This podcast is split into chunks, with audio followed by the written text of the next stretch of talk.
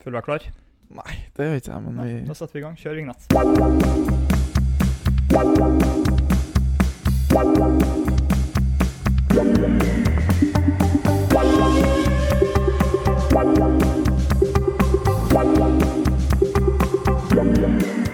Ja, hei sann, og hjertelig velkommen tilbake til en ny episode av Spill inn, som lager samarbeid med Unibet.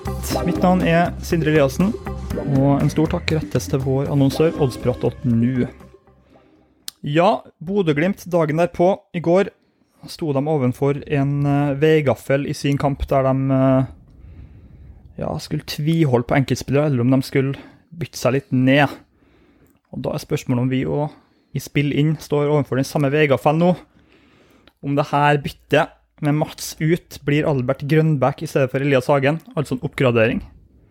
Eller om vi får en Gaute Vetti inn for Hugo Vetlesen nedgradering. Det er en ære og en fornøyelse for meg å ønske velkommen til min gode venn og nå faste makker og medsammensvorne kooperative podkastvert, som det er Mats pleide å si. Kjartan Ulstad, velkommen til, til skipet. Tusen hjertelig takk. Jeg trodde faktisk det var Jeg trodde det var siste gang. Sist jeg var her. Fordi jeg leverte så forbanna dårlig. På nivået med Vetti og Skau og, og guttene som kom inn i 110 der. Men uh, jeg takker for tilliten og har veldig, veldig gjerne lyst til å være med her. For det var stas forrige gang, syns jeg. Ja, det Vi skulle ha jo klippa inn det her eh, Den lille sekvensen der vi snakka om akkurat det her for to uker siden, at kanskje du skulle kuppe Mats sin rolle. Mm. Det var jo faktisk det som fikk han til å begynne å tenke på å gi seg. Så det føles ikke helt bra, men, eh, Ikke gi meg dårlig samvittighet nå. men ja, hvordan, hvordan føles det å gå fra å være en eh, sporadisk vikar til å være en eh, fulltidspartner av meg i den podkasten her?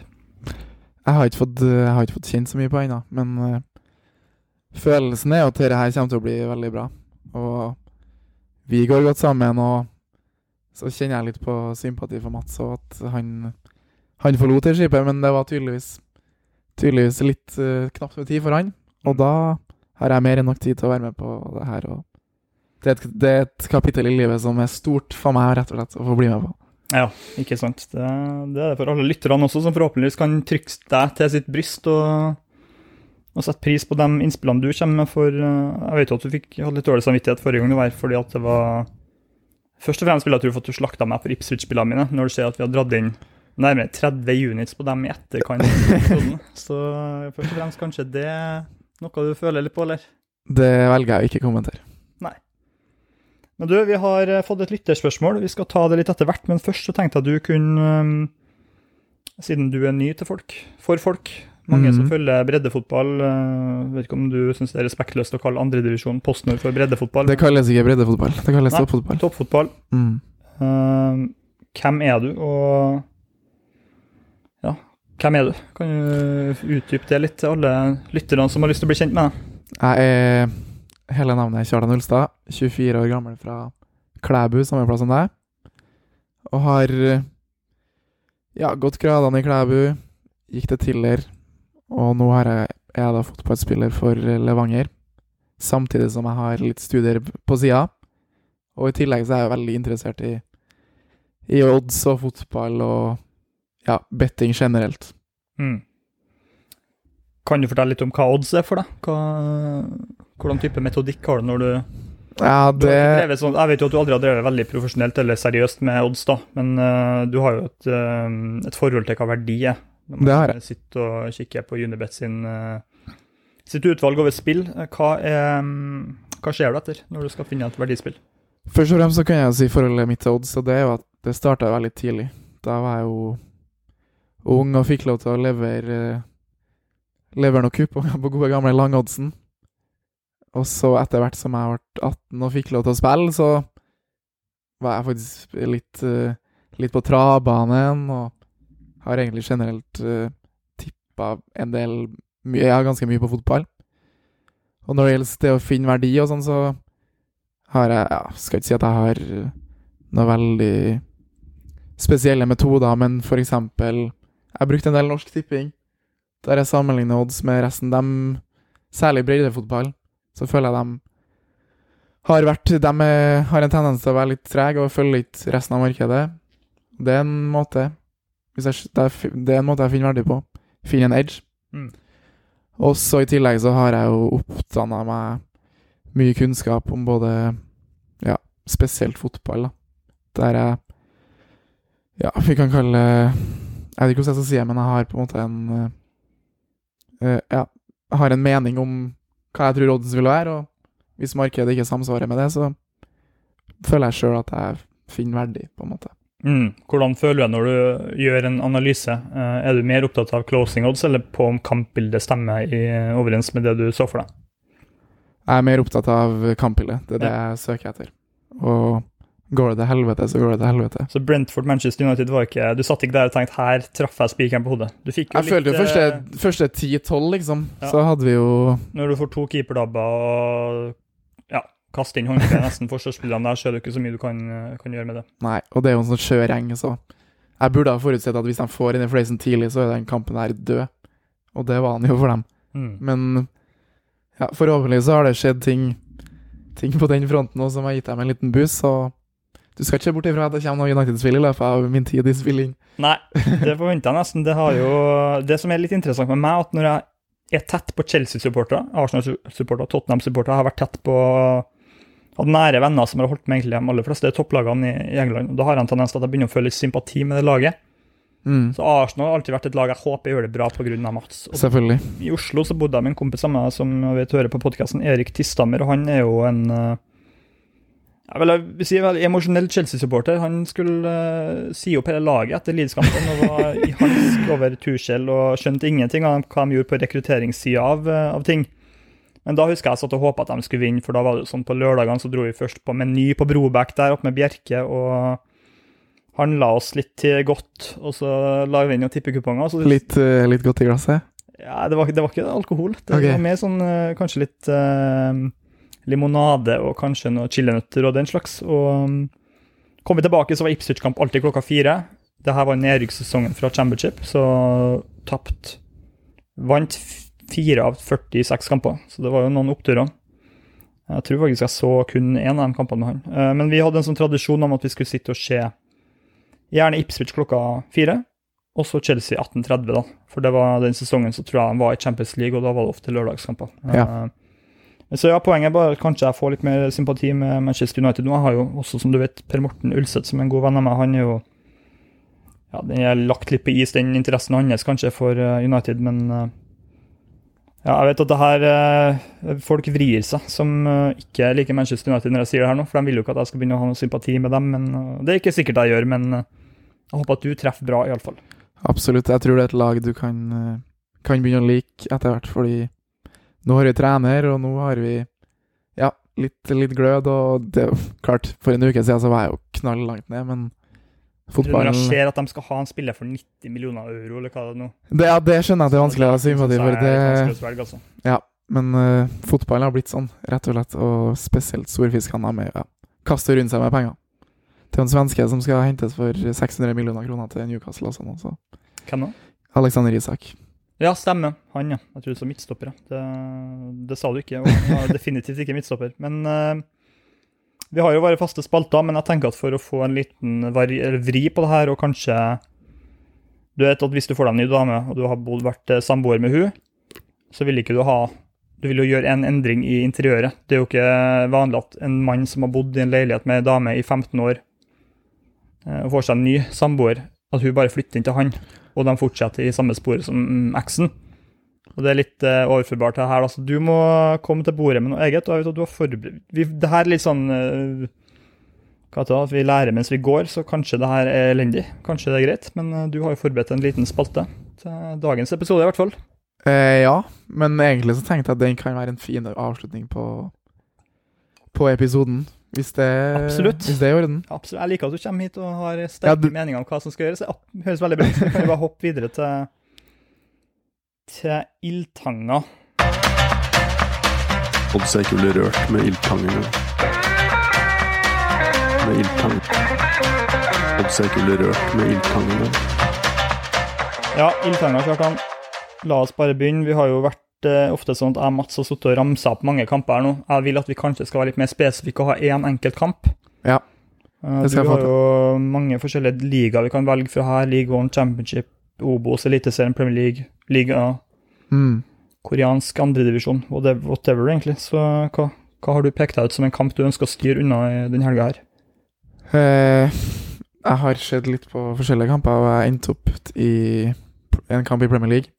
For jeg har hatt en tendens til å Det, det kan jeg si på en måte til mitt forhold til odds. Jeg har romantisert de lagene jeg syns spiller, spiller fin fotball, liksom. Mm. Jeg har Siden jeg syns de spiller på fotballen jeg liker, så vil jeg spille med dem, sant? Men eh, ja, her har jeg faktisk dratt fram eh, Brighton Leeds, for Brighton er et lag som er nært mitt hjerte. Mm. Og hadde, Særlig hadde vi snakka for etter serieåpninga, eller? Nei, absolutt ikke etter den, men det er et lag jeg liker og har likt dem lenge. Og liker Potter kjempegodt også. Mm. Og da hadde jeg på en måte sett 1,90 på Brighton for la oss si to år siden, hjemme mot Leeds, eller ett år siden. Så jeg tenkte ja, det er spillbart, fordi de spiller såpass bra fotball alt mulig, men det er jo et lag som underpresterer, altså når det gjelder uh, å skåre mål. Mm. Og det er et lag som sliter Ja, sliter med å dominere de kampene de skal dominere. Og så er de veldig gode i, i andre kamper. Så jeg leter egentlig etter noe spill der, men jeg klarte ikke å finne. Så derfor syns jeg Jeg syns den var veldig vanskelig. Ja, enig. Den har jeg egentlig ikke kikka så mye på. Jeg syns den virker Det er litt skummelt etter Leeds sin opptur mot Chelsea nå. Eh, jeg føler at det ligger en korreksjon inn i, i deres seriestart. At de kanskje eh, overpresterer mot Chelsea. At det jevner seg ut med en underprestasjon mot Brighton. Men jeg tenker umiddelbart at oddsen ser riktig ut der. At Brighton er favoritter til 1,90. Det syns jeg er ganske riktig, egentlig. Um, Men sju poeng på tre kamper for Leeds, det er jo utrolig med tanke på det de har mista i sommer. Ja, veldig imponerende. Uh, og med tanke på at de har henta inn spillere som ikke har så mye erfaring fra spill i Premier League, så Mm. kunne man jo forvente at det skulle ta litt lengre tid for dem. Eh, så imponerende. Jeg hadde jo veldig lite trua på Jesse Marsh og Leeds, egentlig. Så jeg må bare ta meg hatten for det de har gjort til nå. Ja, du vet uh, Red Bull-fotballen funker. High pressing og Ja, Boksa og- det. Ser Ranheim òg. Ja, ikke sant. Jeg så Ranheim mot Bryne, det funka ikke da. Det funka ikke veldig bra, jeg er helt enig. Eliteserien, der syns jeg umiddelbart at Jerv Glimt er litt ekkel. Um, jeg vet ikke helt Jeg vet jo at Kjetil Knutsen nesten så å si utelukkende aldri roterer på laget, Mm. men Etter 120 i går. etter 120 og du ser spillere bli bytta med krampe, Jeg er helt enig. og så ser du en uh, ja, på gress, og det, det er sent onsdagskveld med 120 minutter i beina. Mm. Så skal de reise til Grimstad til lørdag. Ja. Og så skal de til 1.22 mot Jerv nå. Det er litt Tør ikke å røre eh, den. Igjen, hvis jeg skulle ha tatt det spillet, så er det Jerv under 0,5 til 2,30. eh, Samme som mot Lillestrøm, men eh, Det gikk jo fint. de, ja, de skåra på straffe, som ikke var straffe. Eh, Ja. Men eh, jeg syns Jerv kanskje ser litt Ja, de var jo, ble jo maltraktert av Strømsgodset, selvfølgelig, men uh, kanskje har de forbedra seg litt offensivt med Håkan sin, uh, eller hva han heter der, og og ko, så jeg tør ikke å røre den Glimt skal vinne, og de er korrekte favoritter, men 1-22 det, det blir for lavt på bortebane i Eliteserien for meg, altså. Ja, jeg kan snakke av Jeg kan snakke av egen erfaring. Og vi spilte jo 120 minutter mot Rosenborg. Det var vel en onsdag. Var det det Ullkisa borte den påfølgende lørdag? Ja, det var Ullkisa borte. Og vi følte jo Spilte jo en bra kamp mot Rosenborg, fikk momentum og alt mulig, men alle møtte opp på den kampen og var helt fullstendig døde når vi kom til, kom til den lørdagen her. Mm. Og det, har- ja, det har uh, utvilsomt mye å si, og de har jo spilt på gress i tillegg, og de er jo ikke vant til Og så skal de igjen spille på en tung gressbane. Ja. Så det er klart at uh, Ja, styr unna, sier jeg bare. Jeg er helt enig. Hmm. Du, vi har fått et uh, lyttespørsmål ehm, fra en mann som heter Magnus Nygaard fra Trøndelag. Jeg vet at han spiller futsal på et lag Solsiden. eller et eller annet sånt. Du kjenner til fyren, ja?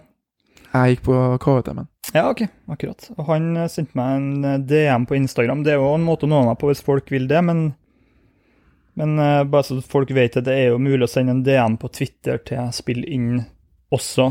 Så, men man kan godt eh, kontakte meg personlig, eller deg for så vidt. Det er også greit. Eh, han skriver Halla, håper alt står bra til. Du har jo lest din andel Kanemann, hører jeg. Hadde vært interessant med Kanemann-blikk på oddspill i podden om det lar seg gjøre, typ hvordan man tenker rundt risiko og gevinst, bedømming av sannsynlighet og diverse. Og Det er jo umiddelbart noe jeg tenker man skulle ha bevilga en hel podkast å snakke om. Um, En ting som jeg tror kanskje kjennetegner meg masse, er jo at vi to vurderer risiko litt ulikt. Det reflekteres jo hvor mange spill jeg tar i forhold til han. Mm. Og gjerne snittoddsen òg. Ja.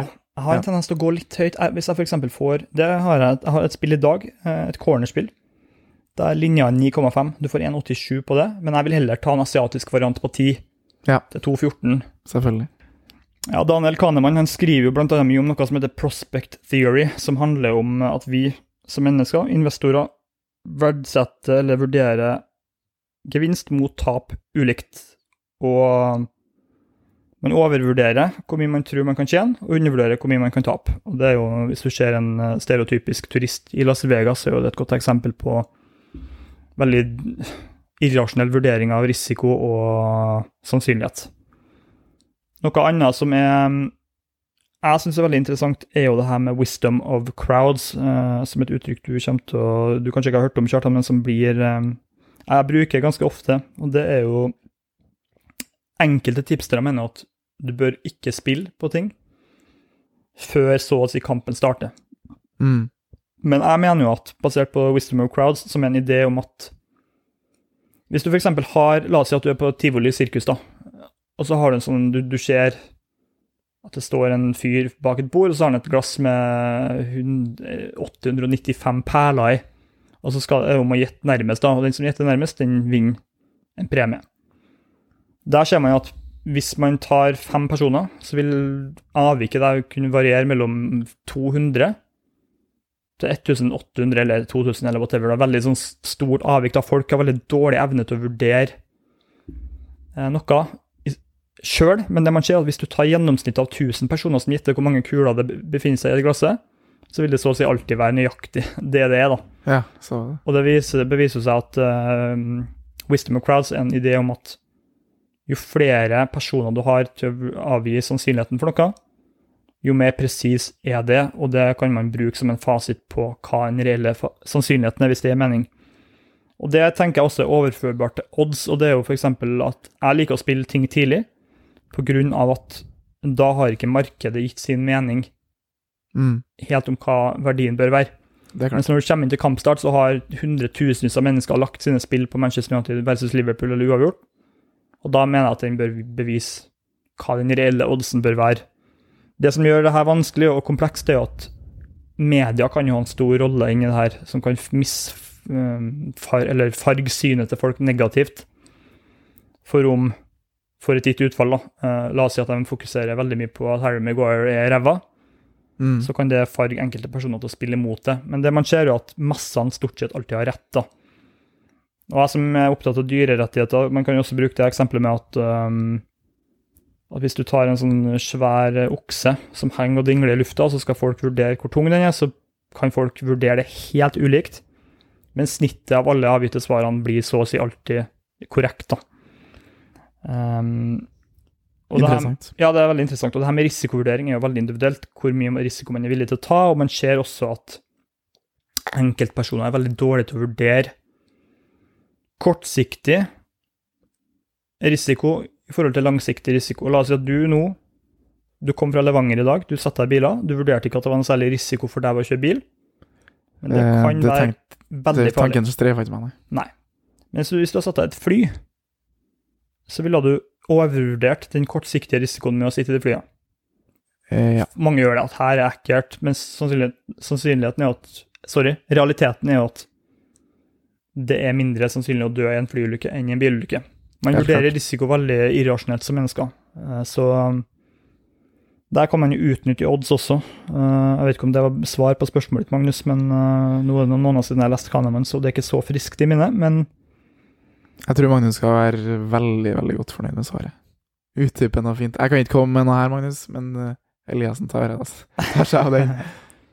Ja, jeg har sikkert mye mer å tilføye på det her etter hvert, men um, odds handler om én ting, og det er å, om du vurderer at sannsynligheten for at et gitt utfall er større enn det bookmakeren gjør. Og hvis du gjør det, og du spiller kon konsekvent på det du mener er feilsatte odds, så vil man tjene penger på sikt. Hvis man selvfølgelig vurderer det riktig, da. Men du, vi skal bevege oss litt videre, Kjartan. Vi må egentlig bare komme inn på, um, på spillene. Hvor mange spill er du har med til fellesskapet i dag? Jeg har med meg tre spill. Tre spill. Tre spill. Frekt og freidig. Er det for mye? Nei, det syns jeg er helt perfekt. da. Jeg har personlig um, 17? Ja, det er ikke riktig så mange. Jeg har faktisk to til tre Premier League, og så har jeg to til tre i One. Og i Eliteserien har jeg vel ingen foreløpig pga. at det ikke har kommet noen corner odds. Um, men ja, våre ukentlige spill er selvfølgelig alltid um, mangfoldig, så hvor vil du at vi skal starte? Nå har jeg akkurat prata i eh, flere minutter om Wisdom of Crowds og sånt, eh, så jeg tenker at du kan sparke oss i gang, Kjartan, med ditt første spillbidrag til, til fellesskapet, som et offisielt Jo, takk for det. medlem av podkasten. Eh, du hadde ikke noe i Eliteserien, så da kan jeg starte med, med noe der. Jeg har et spørsmålsspill i Eliteserien, så det kan jo hende at vi, at vi tenker likt. Ja, kjenner jeg oss rett, så tenker vi jo for så vidt ganske likt. Men uh, Kan jeg gjette kamp? vær så god, gjett. Molde-Sarpsborg? Det er ikke riktig. Da er det Viking-Vålerenga, da. Det er ikke Viking Da er Vålerenga. Rosenborg garantert. Det Nei, det er ikke det. Nei. OK, da Nå er du fullstendig på villspor. Her bommer jeg godt, ja. Vi skal til Åråsen. Vi skal til Briskeby. Oi, OK. HamKam mot Det der er spørsmålsspill.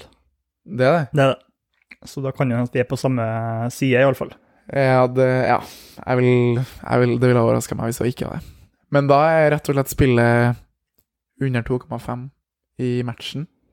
Og det begrunner jeg med at eh, Ja, vi kan jo bare se på de fem siste hjemmekampene til HamKam. Hva er oddsen Beklager. Det er 2,07 Ja. i odds hos Unibet? Hos Unibet. Og HamKam siste fem hjemmekampene, det har vel blitt skåra under 2,5 i samtlige.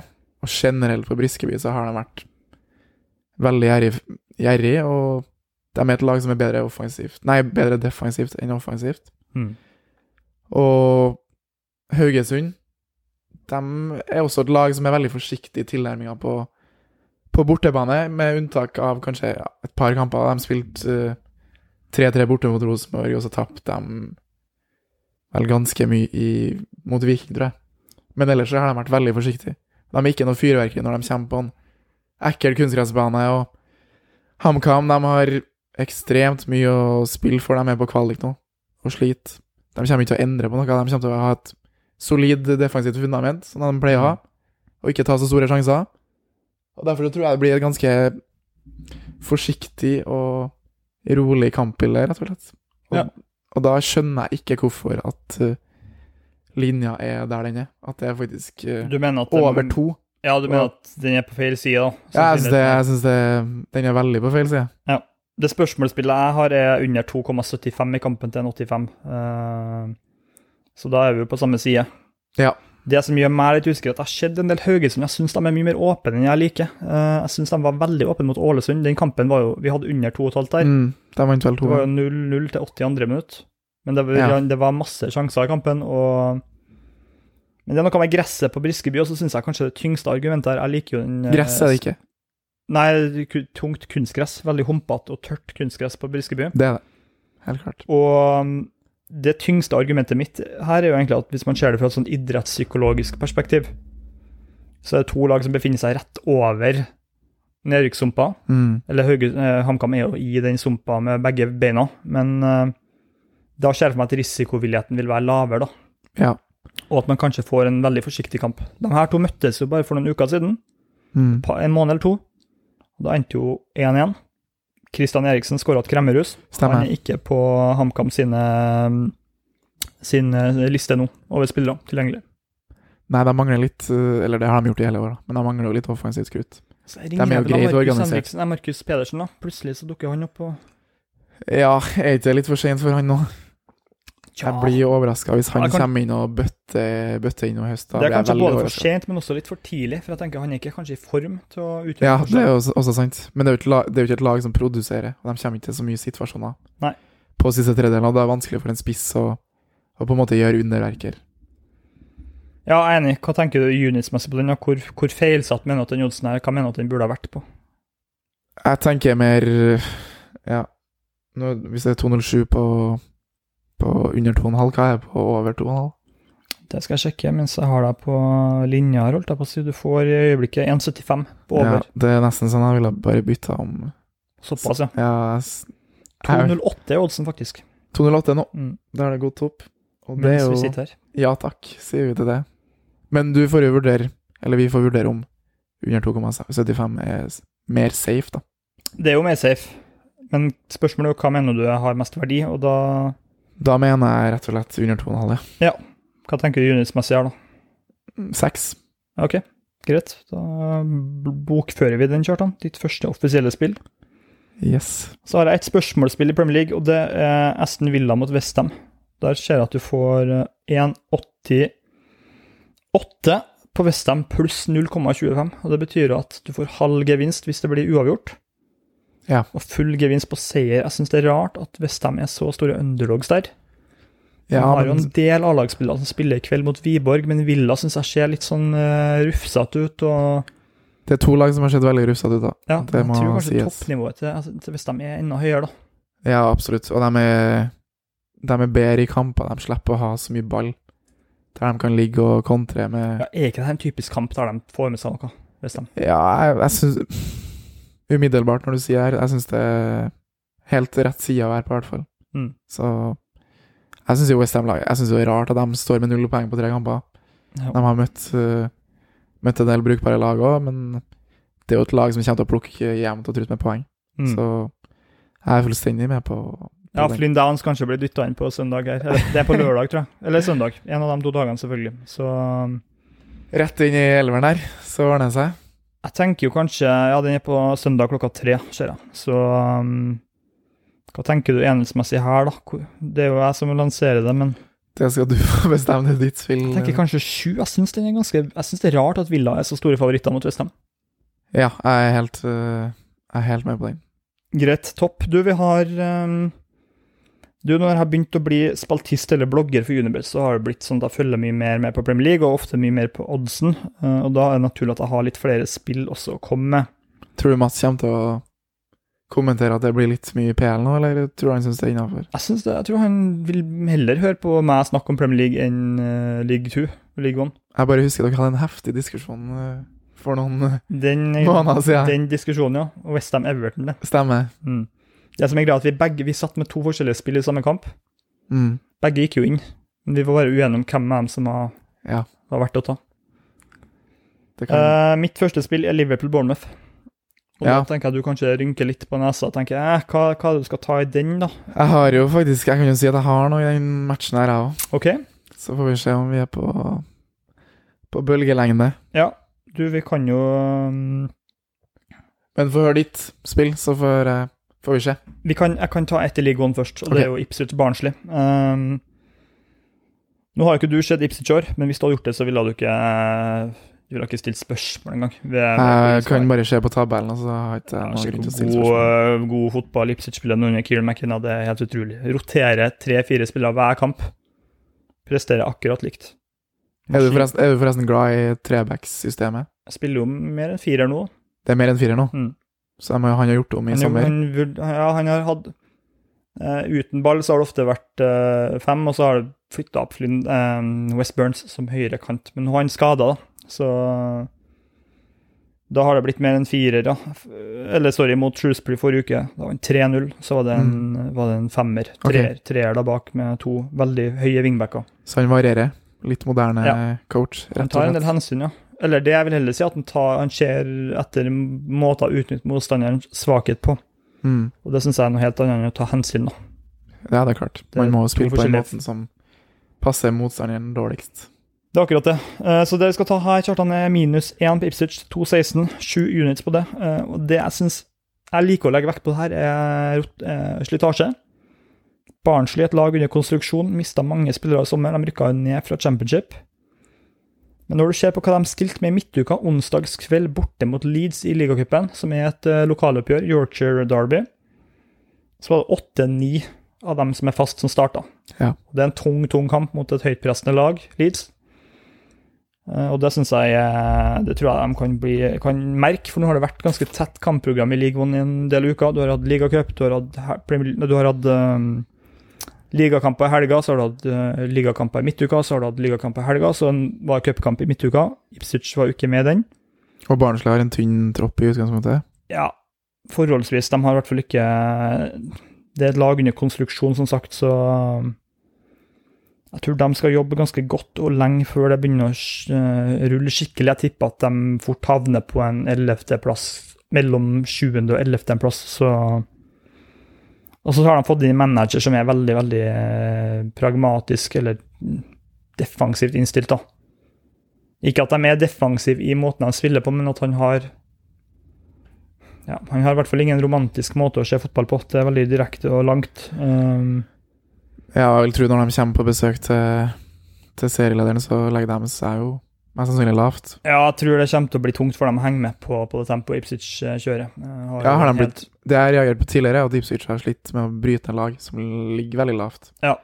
Men, Men eh, her- her de har jo helt sikkert tatt, tatt steg der. Ja, du møter, møter ikke et sånn typisk veldig lavtliggende lag her. Du møter jo et lag som vil prøve litt. Um, det faktum at Ipswich har holdt nullen oftere enn de har sluppet inn antall mål under Kieran McKenna, det er jo helt utrolig statistikk. Ja, det er Så, veldig sært. nei, den her også skal Ipswich vinne, tror jeg. Jeg tror helt seriøst at eh, det laget kan gå gjennom sesongen her og tape maks 1-2-3 kamper. Det, tror jeg, det Det- tror jeg virkelig på. Vi må huske på datoen. Nå har du sagt det. Ja, 25. Sitter her og klarer ikke playoff når vi sitter her i mai, men vi får, vi får se. Jeg håper for din del at, eh, at du har riktig, i hvert fall. Ja, jeg tror fort vi, at vi kan ha, har jo et spill på at de skal rykke opp, og vi har åtte unis på topp seks, så det tror jeg bare er å cashe inn med en gang, egentlig. Bak i bordet. Bank i bordet. Men du, vi skal ta en liten tur inn i hjørnet mitt, eh, Kjartan. Sindres cornerhjørne.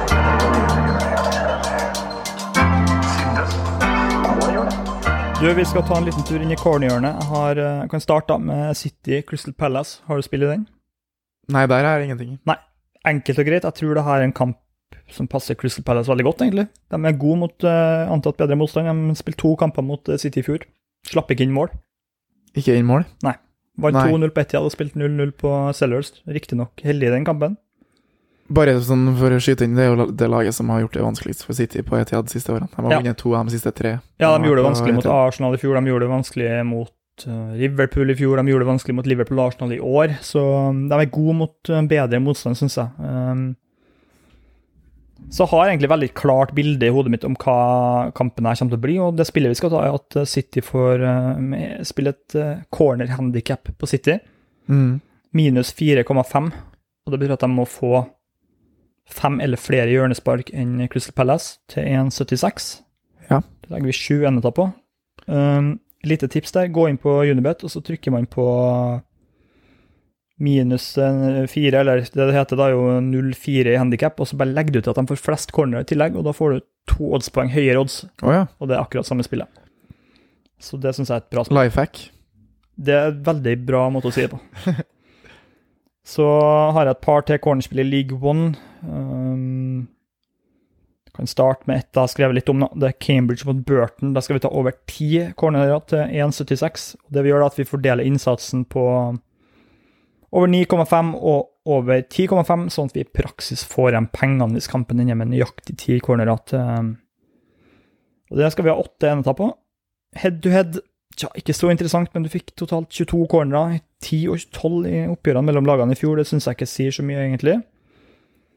Men hvis man ser på spillestil, det er veldig direkte. Begge lagene vil angripe. Burton og Uber direkte. De har jo prøver jo ikke å spille fotball engang. De vil jo bare legge ballen over forsvaret og komme seg eh,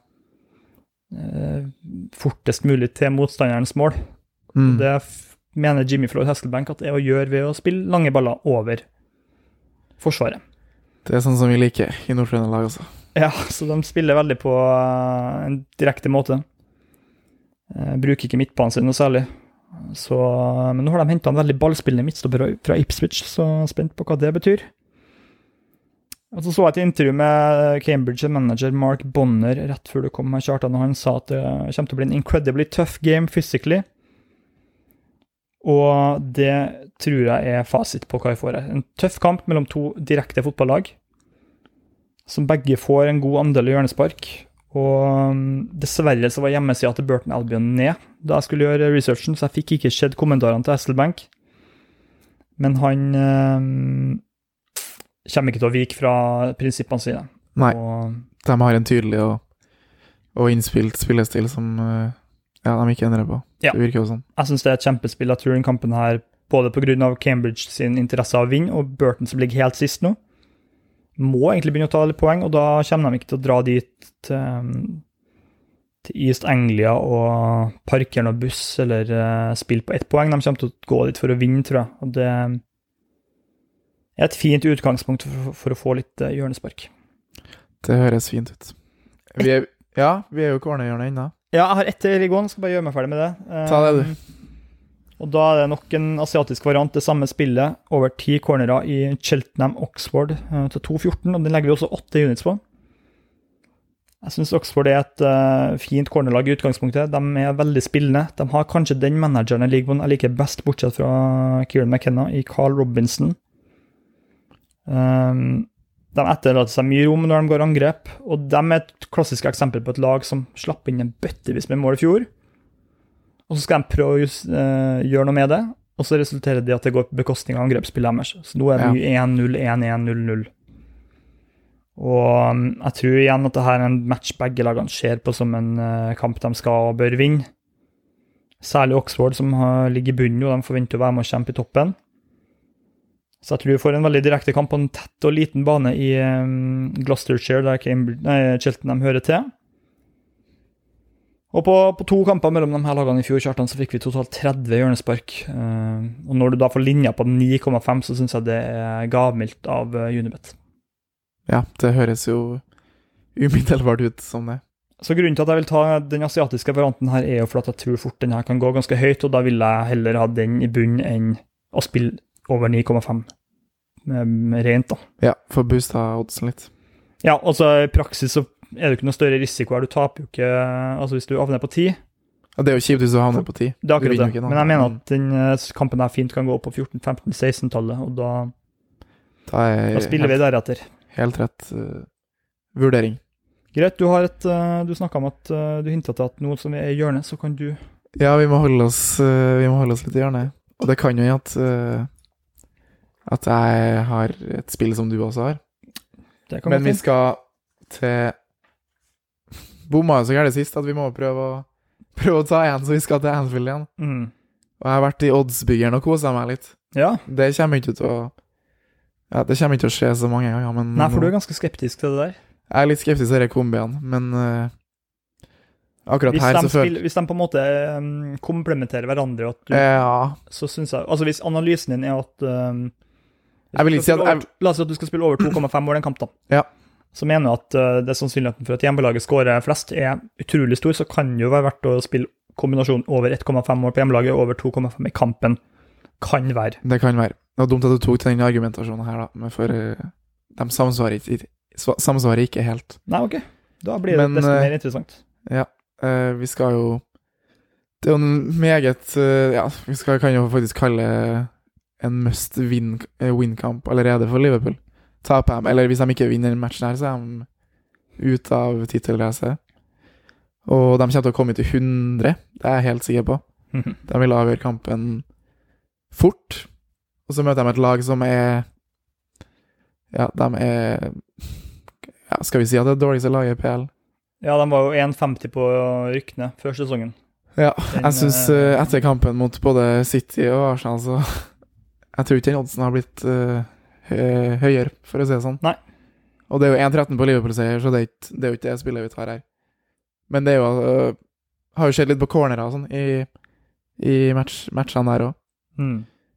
City hadde vel 11 cornerer mot Barnevåg. Da skåra de jo tidlig. Men fortsatt var kampen De hadde vel fem eller seks før de skåra, tror jeg. Ja, hadde de det? Jeg tror det.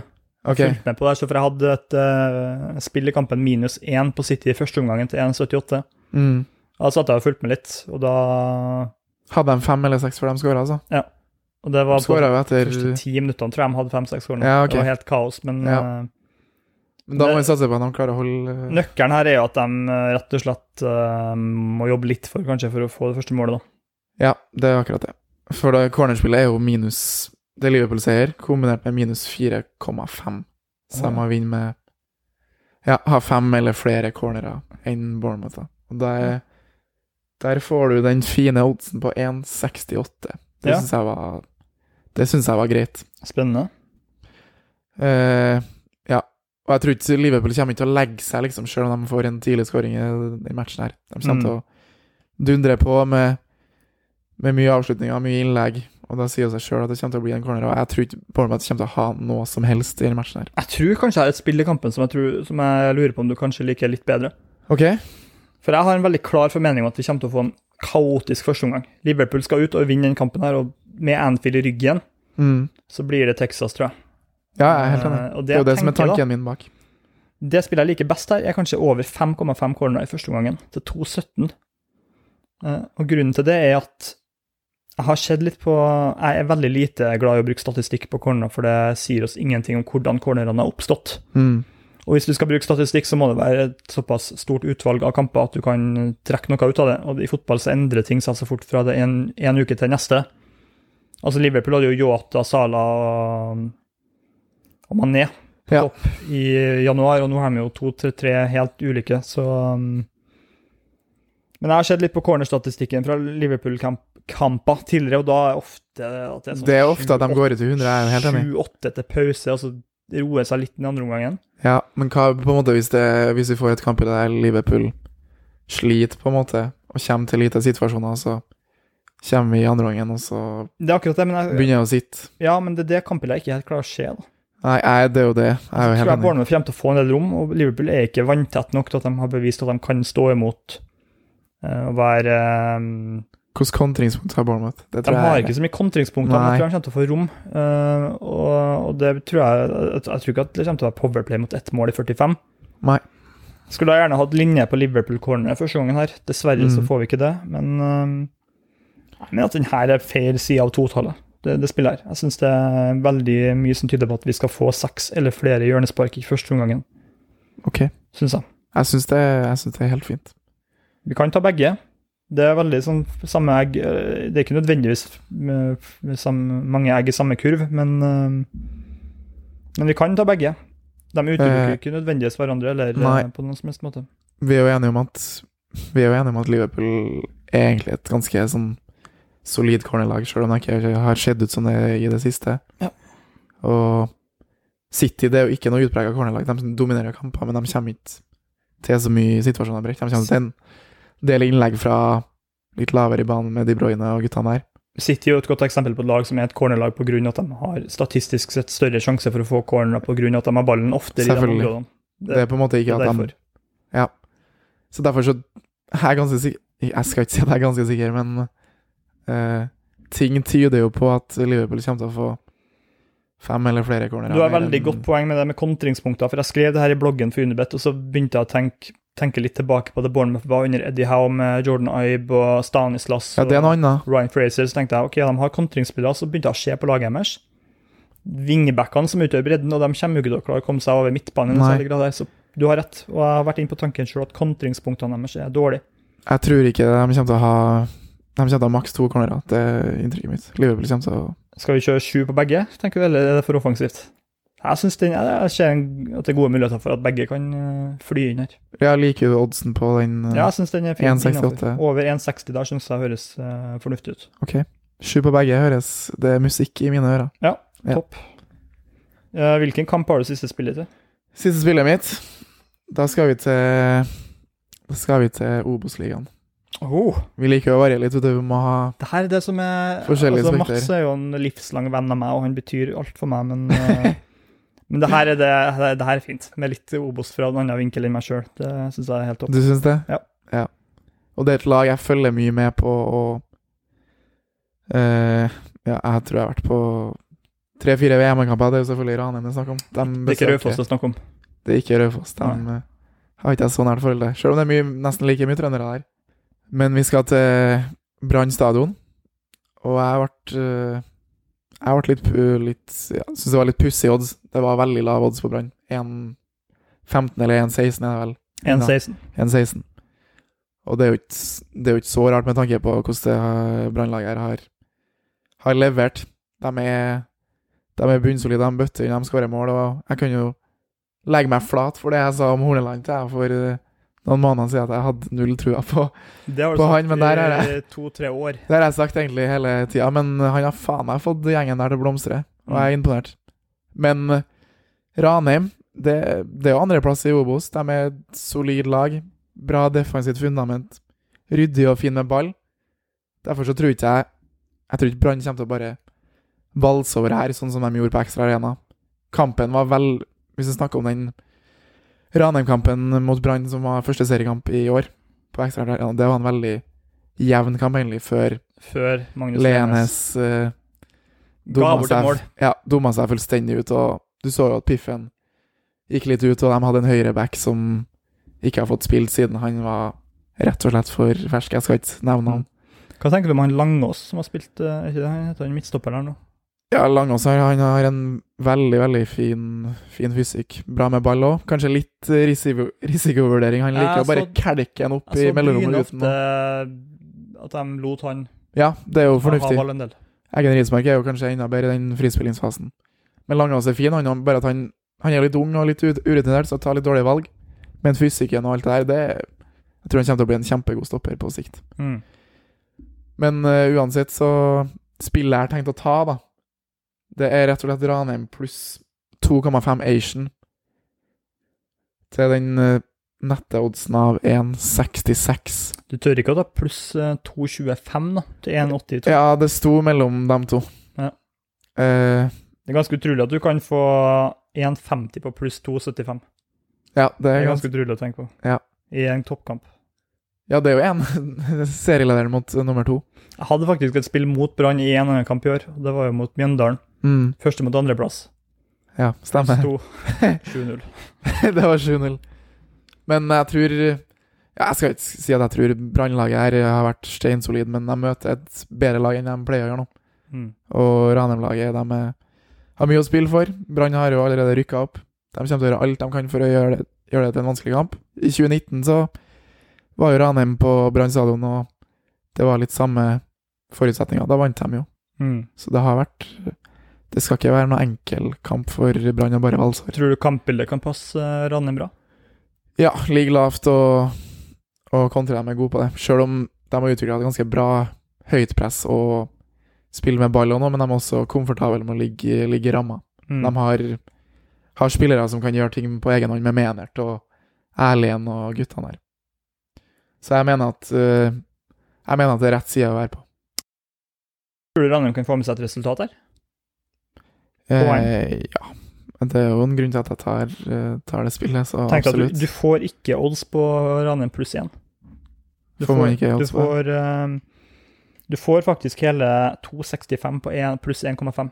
Altså da får du Ja. gevinst på at de taper med ett mål. det er det nesten høres Du syns det er fristende? Nei, jeg tenkte bare en party her, da, en liten enhet eller to på noe sånt, men eh, jeg syns det høres ut Hvis de først kan uh, Brann er jo De har rykka opp, da.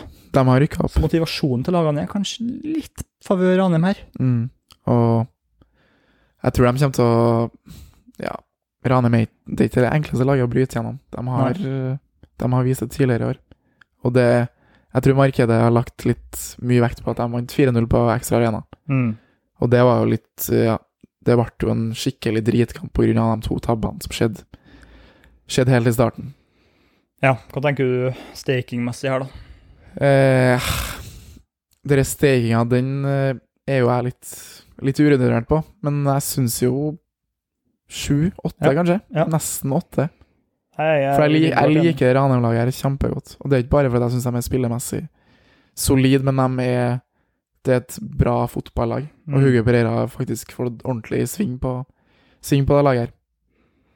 Går det an å ta seks på spillet du foreslo, så tar vi to på Ranheim pluss 1,5 til 2,65 f.eks. Veldig fin. Veldig fin. Ja. Fordele litt. Absolutt. Da sier vi sånn. Jeg har uh, ingen flere spill, men jeg har selvfølgelig noe på blokka uh, når det kommer til Eliteserie Obos. Jeg kan røpe at jeg har ett cornerspill i Eliteserien som jeg tror jeg kan få en fin linje på, og ett i Obos-ligaen. Mm. Men det hadde vært veldig dumt av meg å si det nå, og så går alle lytterne og spiller på det med en gang det kommer odds, og så rekker ikke jeg å ta det sjøl, så Jeg tror jeg vet hvilken kamp du skal til, i hvert fall.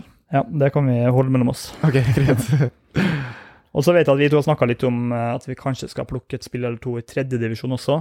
Ja, for Da- jeg er jo Følger jo mye med på, på breddefotball. Har jo et nært forhold til bl.a. Tiller, som spiller i tredjedivisjon, og generelt liker å se mye, mye kamper, spesielt den avdelinga der, da. Mm. Så der kommer det til å dukke opp eh, et par spill, eh, ja. Det er derfor det er viktig å Jeg vil bare si at alle tipstere som legger ut regnskap om å Og så har de brorparten av spillene sine i tredjedivisjon, andredivisjon, fjerdedivisjon. Det er lett å la seg lure litt av det, for det er ganske enkelt å um, ha en edge på de divisjonene der pga. at man har så mye kunnskap i forhold til det bookmakerne har. Mm. Og baksida med det her er at hvis man legger ut et spill La oss si at du legger ut et eh, spill på Melhus til Ja, nå er jo de riktignok i Ja, de er i tredje divisjon. Melhus til 350 odds. Så kan den fort være 2,20 før folk rekker å følge. Ja, absolutt. Eh, Så jeg vil ikke at vi skal bli en sånn her tjeneste som bare legger ut masse spill som ikke folk kan ta. Men det kan jo være verdt å ha på varsler på Twitter, da. Eh, Hvis det kommer et uh, tredjedivisjonsspill i ny og ne. For det er jo ikke noe jeg vil at vi skal gjøre regelmessig, men eh, av og til. Bare for å gi folk litt, eh, litt annet utvalg, da. Det tror jeg kan være Ja. en bra Der gjelder det jo selvfølgelig å være tidlig ute, som du sier. Så Ja.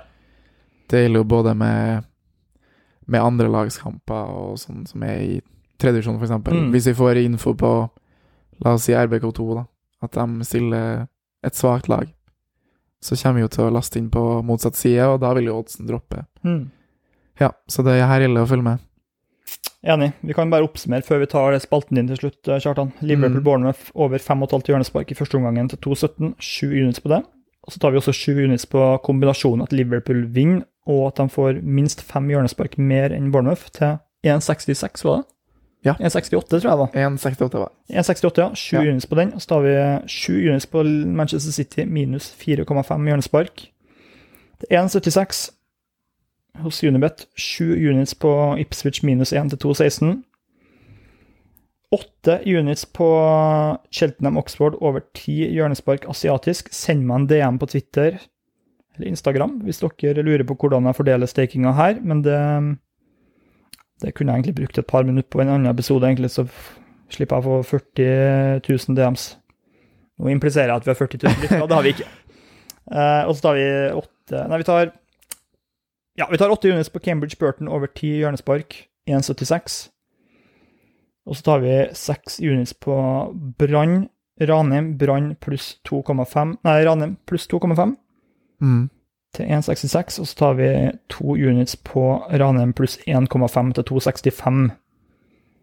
Um, har jeg glemt noe nå, Kjartan? Jeg tror du har kommet i mål med Ja. alle spill, tror jeg. En liten påminnelse om at eh, Oddsprat.nu de kjører konkurranse selvfølgelig eh, hver måned. Månedens beste tipster, der de deler ut 10 000 kroner til de beste tipsterne. Gratis å registrere seg, da gratis å delta. Og hvis du er Hvis du gjør sånn som meg og kom i toppsjiktet to måneder på rad Jeg har tjent 3000 kroner i to ulike måneder nå. Oi. Det kommer godt med. Det kommer veldig godt med. Så re registrer dere der og delta i konkurransen for å vinne fine pengepremier. Og så tenker jeg, når du klarer det, så klarer vel de aller fleste som er her på å være i toppen, tror du ikke det? Ja, Det er litt sånn, det, Hvis du klarer å spille andredivisjon, så skjer det noe. Da kunne, kunne alle, alle klart det. inkludert meg. Absolutt. Jeg er helt enig. Greit, vi skal ta og nærme oss eh, Eller vi skal ta pakke sammen litt, Kjartan, men du har en uh, spalte som du har lyst til å bruke litt tid på. Først så fikk du insistert på at vi skulle ta den på slutten av podkasten, så da Ja, er gulvet ditt. det var jo litt eh, På en måte i den eh, I den anledning at jeg er med i spillet inn, og så må jeg jo ha med noe eget, tenker jeg. Da syns jeg det er litt artig å Eget, teste deg, Eliassen. eget interiør fra, fra kona. ja, Fortsett. akkurat. Fortsettelse på den. Eh, men eh, litt artig å teste deg, og så kan vi Vi Spalten da heter rett og slett Fem kjappe. Og da kan vi Kjartans fem kjappe. Kjartans fem eh, kjappe, selvfølgelig. Og da kan vi på en måte Ja, vi spør, spør deg om noen ulike spørsmål. Skal du svare fort? Og så kan vi hogge hodet av Hogg hodet, hodet av deg. Den må du klippe ut. Det, det skjer ikke. Så bare fortsett. Den skal du klippe ut. Bare fortsett. Hugg hodet av deg om, la oss si, ja, våren neste år. Det er litt oh, altså, det samles opp? Er det det som er Nei, det trenger ikke å Ja, vi kan jo være det, men folk husker jo på Hvis du for eksempel, hvis jeg spør deg om uh, La oss si hvem, hvem, hvem kommer høyest av uh, Nottingham sånn, Forest ja. Og Newcastle. Det er framtidige prediksjoner. Det kan jeg være. Det er litt Og hvis du hadde spurt meg om en hvilken som helst tilfeldig eliteseriekamp det siste året, så tror jeg jeg kunne ha Hadde jeg? Jeg tror det. Helt seriøst. Og Ipswich. Ok. Fem år tilbake i tid tror jeg jeg kunne hatt Ipswich hvert Ok, da Rosenborg-Odd i fjor. forrige sesong. Mm. Ja, godt spørsmål. Rosenborg-Odd i fjor. Da tror jeg Ja. Jeg er i hvert fall sesongen her. Er sesongen her, ja? Ok, du trakk deg litt på den. Ja, gi meg Da kan jeg fortelle Kjapp, kjapp Det ble 5-0. Noah Ja, stemmer. var Det var noe Holm dribla seg gjennom, ja. riktig. I regnværet. Ja. Du kan bare ta en, ta en tilfeldig kamp sesongen her, da. Bare sånn to helt tilfeldige lag. Med OK. Uh, da sier jeg Tromsø-Sandefjord. Ja, de har ikke spilt uh, på Alfheim. Det var 2-2. Jo. Det har de. Det er 3-0 ble det, selvfølgelig. Den var du på. Men det var 2-2 i Sandefjord. 3-0 hjemmekampen og 2-2 borte. Sterkt. Mm. OK, men nå skal vi ta litt framtidige prediksjoner. Så får vi ta det, ta det om et lite halvår. Men uh, den første er, Hvem rykker opp til Eliteserien sammen med Brann? Stabæk. Okay. Og Koffa. Og Koffa? Mm. Det er to lag som rykker opp? Ja. Ja, ja, sånn, ja. Det blir jo kvalik der, ja. Ja. Eh, Brann og Koffa. Brann, Stabæk og Koffa. OK. Hvem skårer flest mål av Darwin Nunes og Gabriel Jesus i år? Åh, det er et godt spørsmål. Um, ja, det er et veldig godt spørsmål. Eh, Darwin Nunes. Darwin? Yes, ja. OK. Hvor mange kamper starter Flynn Downs for Westham i sesongen 22-23, altså i Premier League? da? I år eh, Ja. fem. Fem, bare? Ja. Han skal være landslagsspiller om to år, var ikke det? Tre, i sitt tre. Vi sier tre nå? Ja. ja. OK. Fem kamper? Ja, fem til sju kamper. Det syns jeg er- Det overraska meg at du sa så lite. Jeg Ja, trodde det skulle være det, er- det er langt opp, da. Det er Susek og Rice og co.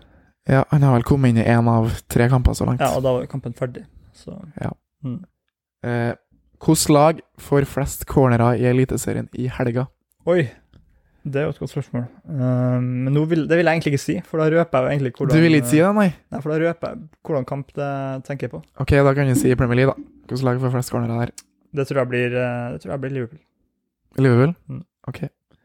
Uh, og nå har jeg et Det er på en måte ikke en spådom, men et spørsmål som du kan Du kan tenke litt på det. Mm. Det er Hvis du får velge én Manchester United-spiller som du får hente i Ipswich Town, hvem ville du henta? Eh, Da må jeg først tenke hvor er det største svakhet i laget. Eh, og det tenker jeg at det er rom for en bedre spiss. Men samtidig kanskje en tierrolle. En tier, kanskje Bruno Fernandes. Jeg tror kanskje jeg går for han. Bruno? Mm. Du er imponert over det som har skjedd av han i år? Nei, men jeg bare, han toppnivået hans, jeg, jeg tror han kunne ha utgjort en enorm forskjell i ligaen. Det tror nok jeg òg. Han hadde slått en del vinnere av assist. Ja. Å, fytti Bruno Ligaen. Ja. Det har vært rått. Men det var rett og slett Storkose seg borte mot Wickham i januar, nødvendigvis. Det- Jeg vet ikke om Jo, men Ipswich spiller jo en veldig sånn possession-orientert Jo fotball. da, men når passer- banene blir gjørmete og oppstykka der, så tror jeg det kan bli Det er klart. seige bortekamper. Men det var rett og slett bare starten på Kjartans fem kjappe. Og bare for å For å sondere terrenget, terrenget litt. Så får vi se om det her er noe som Som blir en gjenganger. Det Gjerne gi tilbakemelding hvis dere syns det var elendig, eller hvis dere syns det var greit. Jeg syns det var ganske artig, faktisk, så Jeg kan si at jeg er uenig med ja, i hvert fall fire av fem Ja. spådommer du kom med. Hva ville du på den siste? Hvem ville du hatt eh, sendt til Ipswich? Jeg ville ha sendt Cristiano Ronaldo. Okay. Du sier jo at laget spiller såpass bra nå. Hvis dere trenger er spiss, så uenig. er trenger du en, boks, en i boksen her som bøtter inn. Bra. Da, da tror jeg vi sier det sånn. Og jeg, jeg er tilbake på mandag med en gjesteepisode. Det får dere bare vente og se hvem er. Enn så lenge. Kjartan, ønsk lytterne en god helg og ha noen siste ord. Jeg skjønner ikke hvorfor Mats slutta når du holder på med Holder på med det tullet der ennå. Det Jeg skal ikke si så mye, men uh, følg spillet inn på Så skal vi sørge for grønne tall i helga. One,